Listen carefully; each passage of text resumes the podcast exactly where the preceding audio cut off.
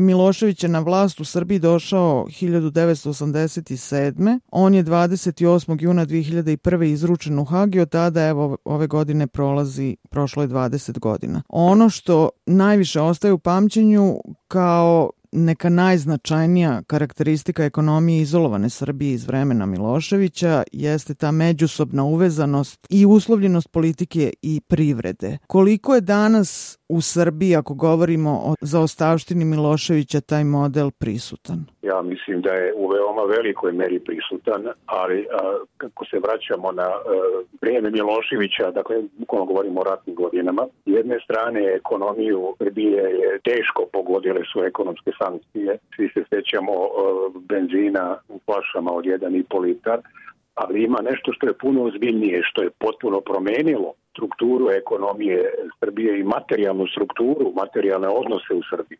93. je izvršena odlukom Narodne skupštine ekspropriacija društvene svojine. Dakle, ona je postala državna jednom odlukom. Time je postavljena e, osnova za ono što ćemo s puno razloga usput rečeno u svim državama bivše Jugoslavije zvati pljačkaškom privatizacijom. Preciznije govoreći, sve je postalo državno, dakle poništena je privatizacija Ante Markovića, da ne govorimo o, o društvenoj svojini u načelu i pravu radnika da učestvuju sve imovinski, ali e, vlast ima partija. Tu više ne postoji abstraktna politika, postoji dakle partijska vrhuška, partijska mreža. Partijska mreža raspolaže tom državnom svojinom kako? Tako što je prodaje svojim tajkunima. I vi kad pratite situaciju e, u Srbiji, kako se ko, kada i koliko obogatio, vidjet ćete čistu situaciju. To je jedan aspekt. Ta situacija u velikoj meri traje i danas, u onoj meri u kojoj ja mogu da ocenjujem. Sad imate za razliku od nekih 7-8 godina Tadićeve vlade, ako tako mogu reći, u sve greške, konfuzicije i šta god je bilo,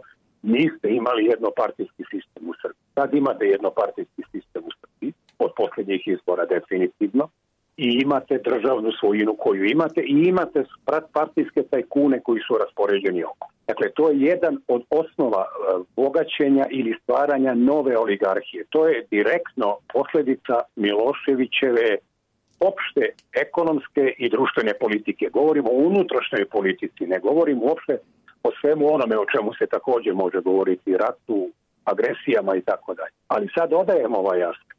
Pazite, rat sa švercom koji omogućuje bogaćenje, opet kombinacije ja sam tajkun, ti držiš carinu pa mi to dijelimo s jedne strane. Drugo, pljačka posebno po Hrvatskoj i Bosni i Hercegovini. Dakle, bukvalno vikend ratnici odlaze i odmah ubiju koga treba ubiti, u navodima treba i onda se e, vraćaju sa velikom imovinom.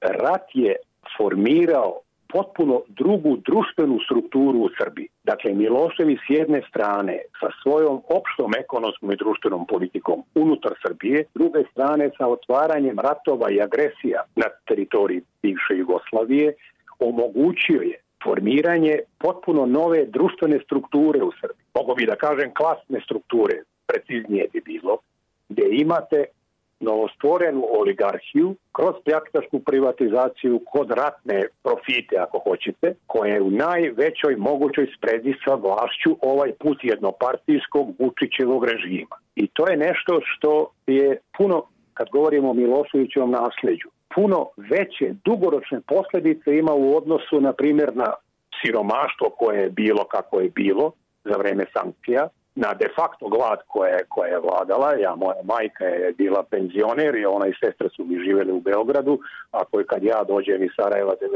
97. shvatim da one šest mjeseci nisu meso jele, jer nisu mogle da kupe meso. Ovo je mala ilustracija. Dakle, to su, to su neke, ajmo reći, e, Milošević, Miloševićev režim je rodno mjesto društvene strukture koju je sad politički ojačao da oštrio jednopartijskim sistemom režim Vučića. Pazite, time se potpuno guši bilo koji oblik demokratije. Nije teško kontrolisati medije kad vi kontrolišete kapitale i ostavljate negde poneki prozor nezavisnih medija je moguć. Time onda utičete naravno na svijest naroda koliko utičete.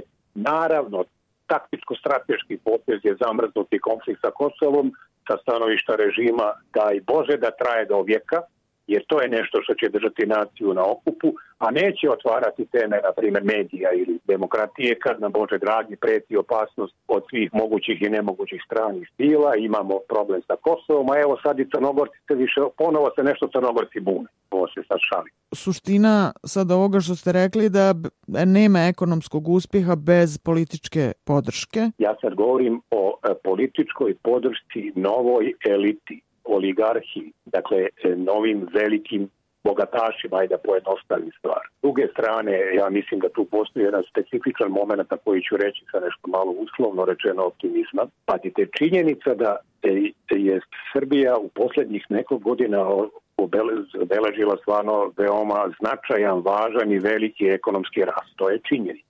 Činjenica je da taj rast počiva u najvećoj mogućoj meri na stranim investicijama. Srbija je četvrta zemlja u Europi, ukupno gledano po prilivu stranih investicija na duži rok. U poslednjih godina je stalno prva ili među prvi. Dakle, ti ekonomski uspjesi su nesumnjivi. Kako su oni bili mogući? Fiskalna stabilizacija je e, urađena prije nekoliko godina, time što je godinu i po ili već koliko dugo vremena oduzeto od penzionera. Deo penzija da bi se stvar fiskalno stabilizovala, to se trpilo. Zašto se trpilo? Pa zato što je SNS već tada imao skoro potpunu vlast i zato što postoji velika opasnost uzeće nam Kosovo, sve u navodima. Dakle, uvek su spoljne sile te koje urožavaju Srbiju, a usput rečeno to su konca velikim digresijama. Od predsjednika Republike pravite Mesiju koji se bori protiv stranaca, bori protiv domaćih izdajnika, malo, malo pa su atentati i prisluškivanja i tako dalje. Pa istem toga čovjek se ne skida s televizije. To je vrlo interesantno psihijatrijski, ali dobro, to je bila digresija. Ekonomski napredak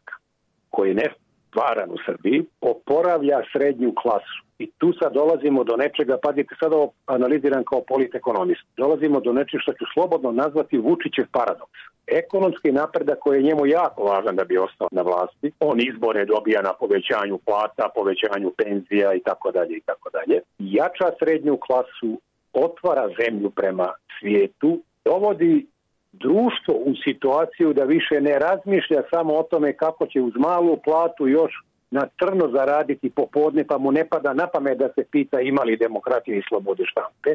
Sad će se početi pitati. Na dug rok gledano, upravo ekonomski napredak Srbije je osnovni e, e, element urušavanja srpskog nacionalizma i jednopartskog sistema u samoj Srbiji. Spomenuli ste investitore i spomenuli ste sad taj model da Srbija zapravo jeste na neki način postigla taj ekonomski uspjeh, ali ako pogledamo to vrijeme najtvrđe izolacije od 92. do 95. Milošević je nametnuo taj narativ o privrednim čudima po kojima će Srbija ostvariti još bolje neke rezultate pod sankcijama, na primjer, to je bilo otkrivanje nafte u Vojvodini i slično. Danas se od vladajuće elite u Srbiji može čuti od upravo to, tom nezadrživom privrednom rastu. Okolnosti su se promijenile, da li se to i dalje može porediti kao model? Prvo, de facto privredni rast postoji.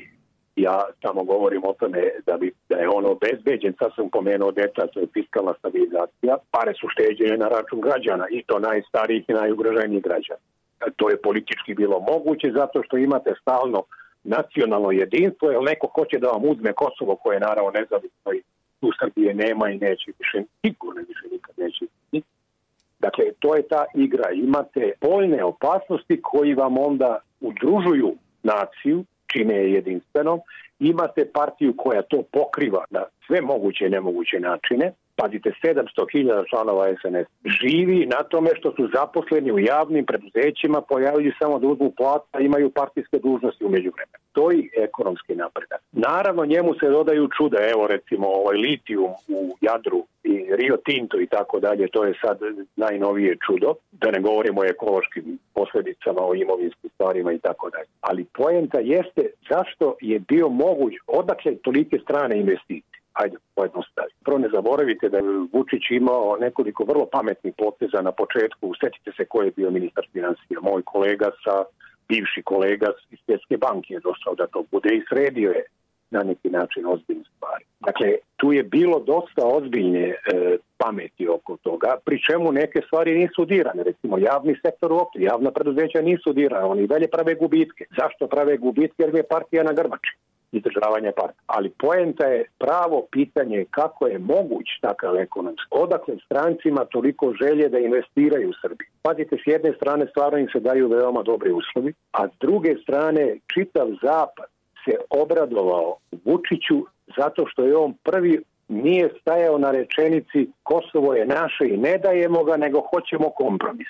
Stvorio je neku nadu kod zapadnih diplomata, politika i tako dalje, da će se to nekako mirno rešiti. Evo jedan razuman u navodima razuman ili u njihovoj percepciji razuman čovjek, govorimo o prethodnim godinama, koji pokušava to da riješi, a neće da ratuje i ne tvrdi da je to njegovo, pa sad čeka neke okolnosti kad će to povratiti posto. Ja mislim da je to udica na koju su se upecali svi naši zapadni prijatelji, tako da kažem, stajili bez navodi znakova, ne razumevajući, ne vodeći računa o toj tipičnoj balkanskoj radikalskoj logici, treba mi stalni konflikt, otvoren, zamrznut, pa ću s njim trgovati. Dakle, evo ja vama kažem, neću ratovati, nama su ljudi važni, ne teritorija, parafraziram.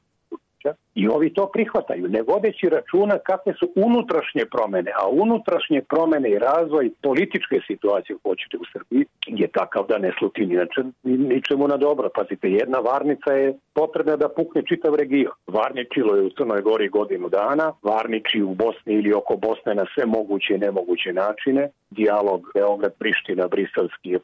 I jednim i drugim odgovara da bude zamrznut. Tako ostaju na vlasti. To se sad tiče i tog očuvanja možda socijalnog mira koji je Milošević na neki način anestezirao ljude za vrijeme svog perioda, da li Vučić to radi na sličan način, praktično 2000. trećina privrede u Srbiji je bila van funkcije, to je govorio i Zoran Đinđić, tadašnji premijer i vi ste sad spomenuli koliko su bila minimalna ta primanja. Šta je sa nekakvom inovativnosti u privredi grassroots, da tako kažem. Dakle, koliko su ljudi osposobljeni da sami mo budu mobilniji, kreativniji, možda spremni na neke ekonomske rizike? Pa gledajte, ja mislim da se evo, recimo, u sadašnjem režimu u Srbiji se desilo nešto što nisu očekivali. Na stranu sve velike priče o digitalizaciji i tako dalje. Činjenica da je veoma veliki broj mladih ljudi, potpuno kompetentnih i sposobnih za sve softverske marifetluke, ako tako mogu reći, pokrenuo sobstvenu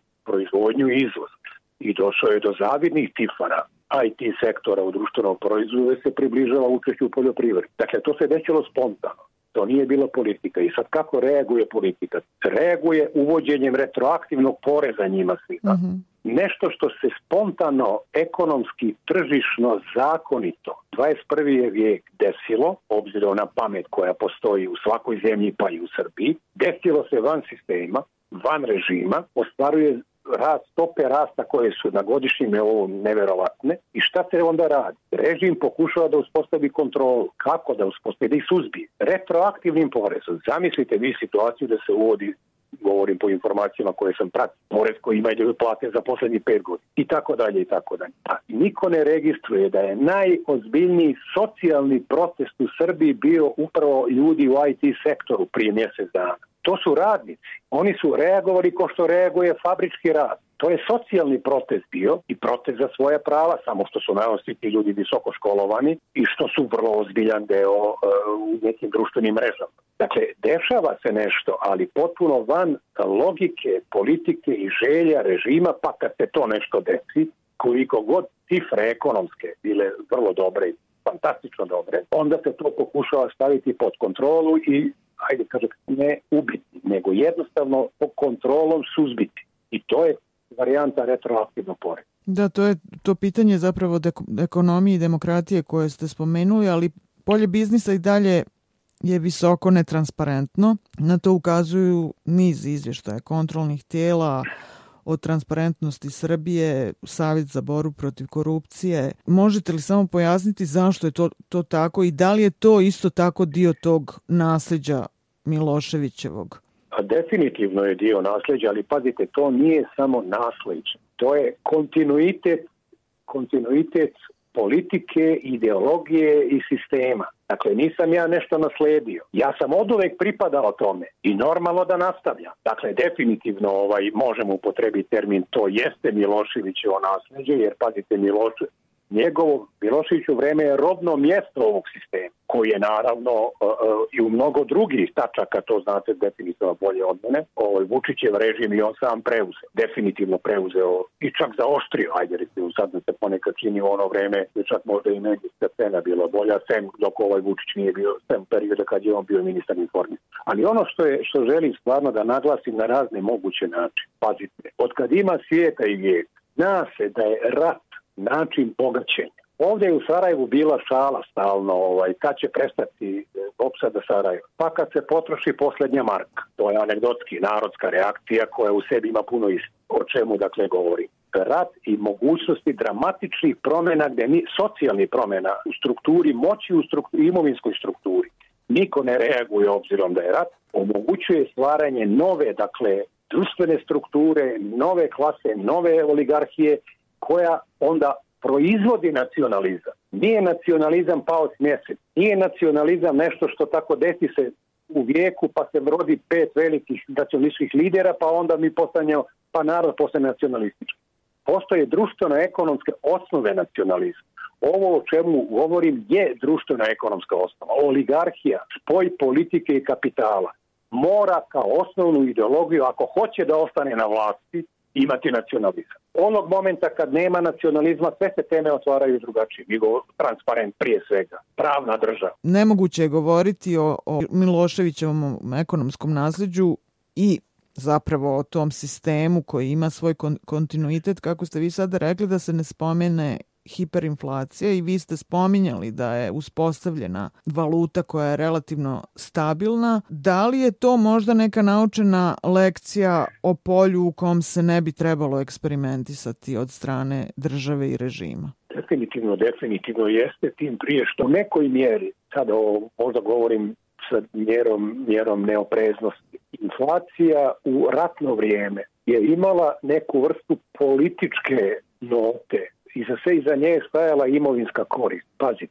za dinare su kupovane devize po Hrvatsku i Bosni i Hercegovini. Pri čemu vi donesete kofer dinara koji nakon sedmicu dana ne vrijedi ni pola onoga što je vrijedio, a uzeli ste devize. Dakle, imalo je tu nekog malo sistema za oduzimanje deviza dil, dilom kao deo ratne, predratne neposredno pred rat ili ratne strategije. Naravno, onda su došle sankcije što je inflaciju javno i naravno opet je postojao socijalni moment u svemu tome. Svi prethodni krediti su inflacijom anulirani. Jer znate šta, u toj inflaciji postoje veliki gubitnici i veliki dobitnici. Gubitnici su oni koji žive od redovnih prihoda, prije svega penzioneri, stalnih redovnih prihoda a dobitnici su oni koji su uzimali velike kredite da otkupe neku fabriku, a usput imali vezu sa nekim iz nekog političkog, političkog vrha. I taj kredit je za godinu dana faktički spao na neke nikakve su. Sad je situacija drugačija. Sad niko ne sme da rizikuje naravno veliku inflaciju, a nema ni ovih razloga o kojim govorite. Dakle, ne možete putem inflacije. Inflacija je uvek služila za preraspodelu društvenog bogatstva. Namerno ili nenamerno. U onim ratnim inflacijama govori govorimo o Srbiji, bilo je elemenata koji mogu upućivati na to da je tu bilo malo i namjer. Posle se ostala kontroli, naravno, i niko više nije mogao ustaviti dok se nije pojavio Deda Avramov.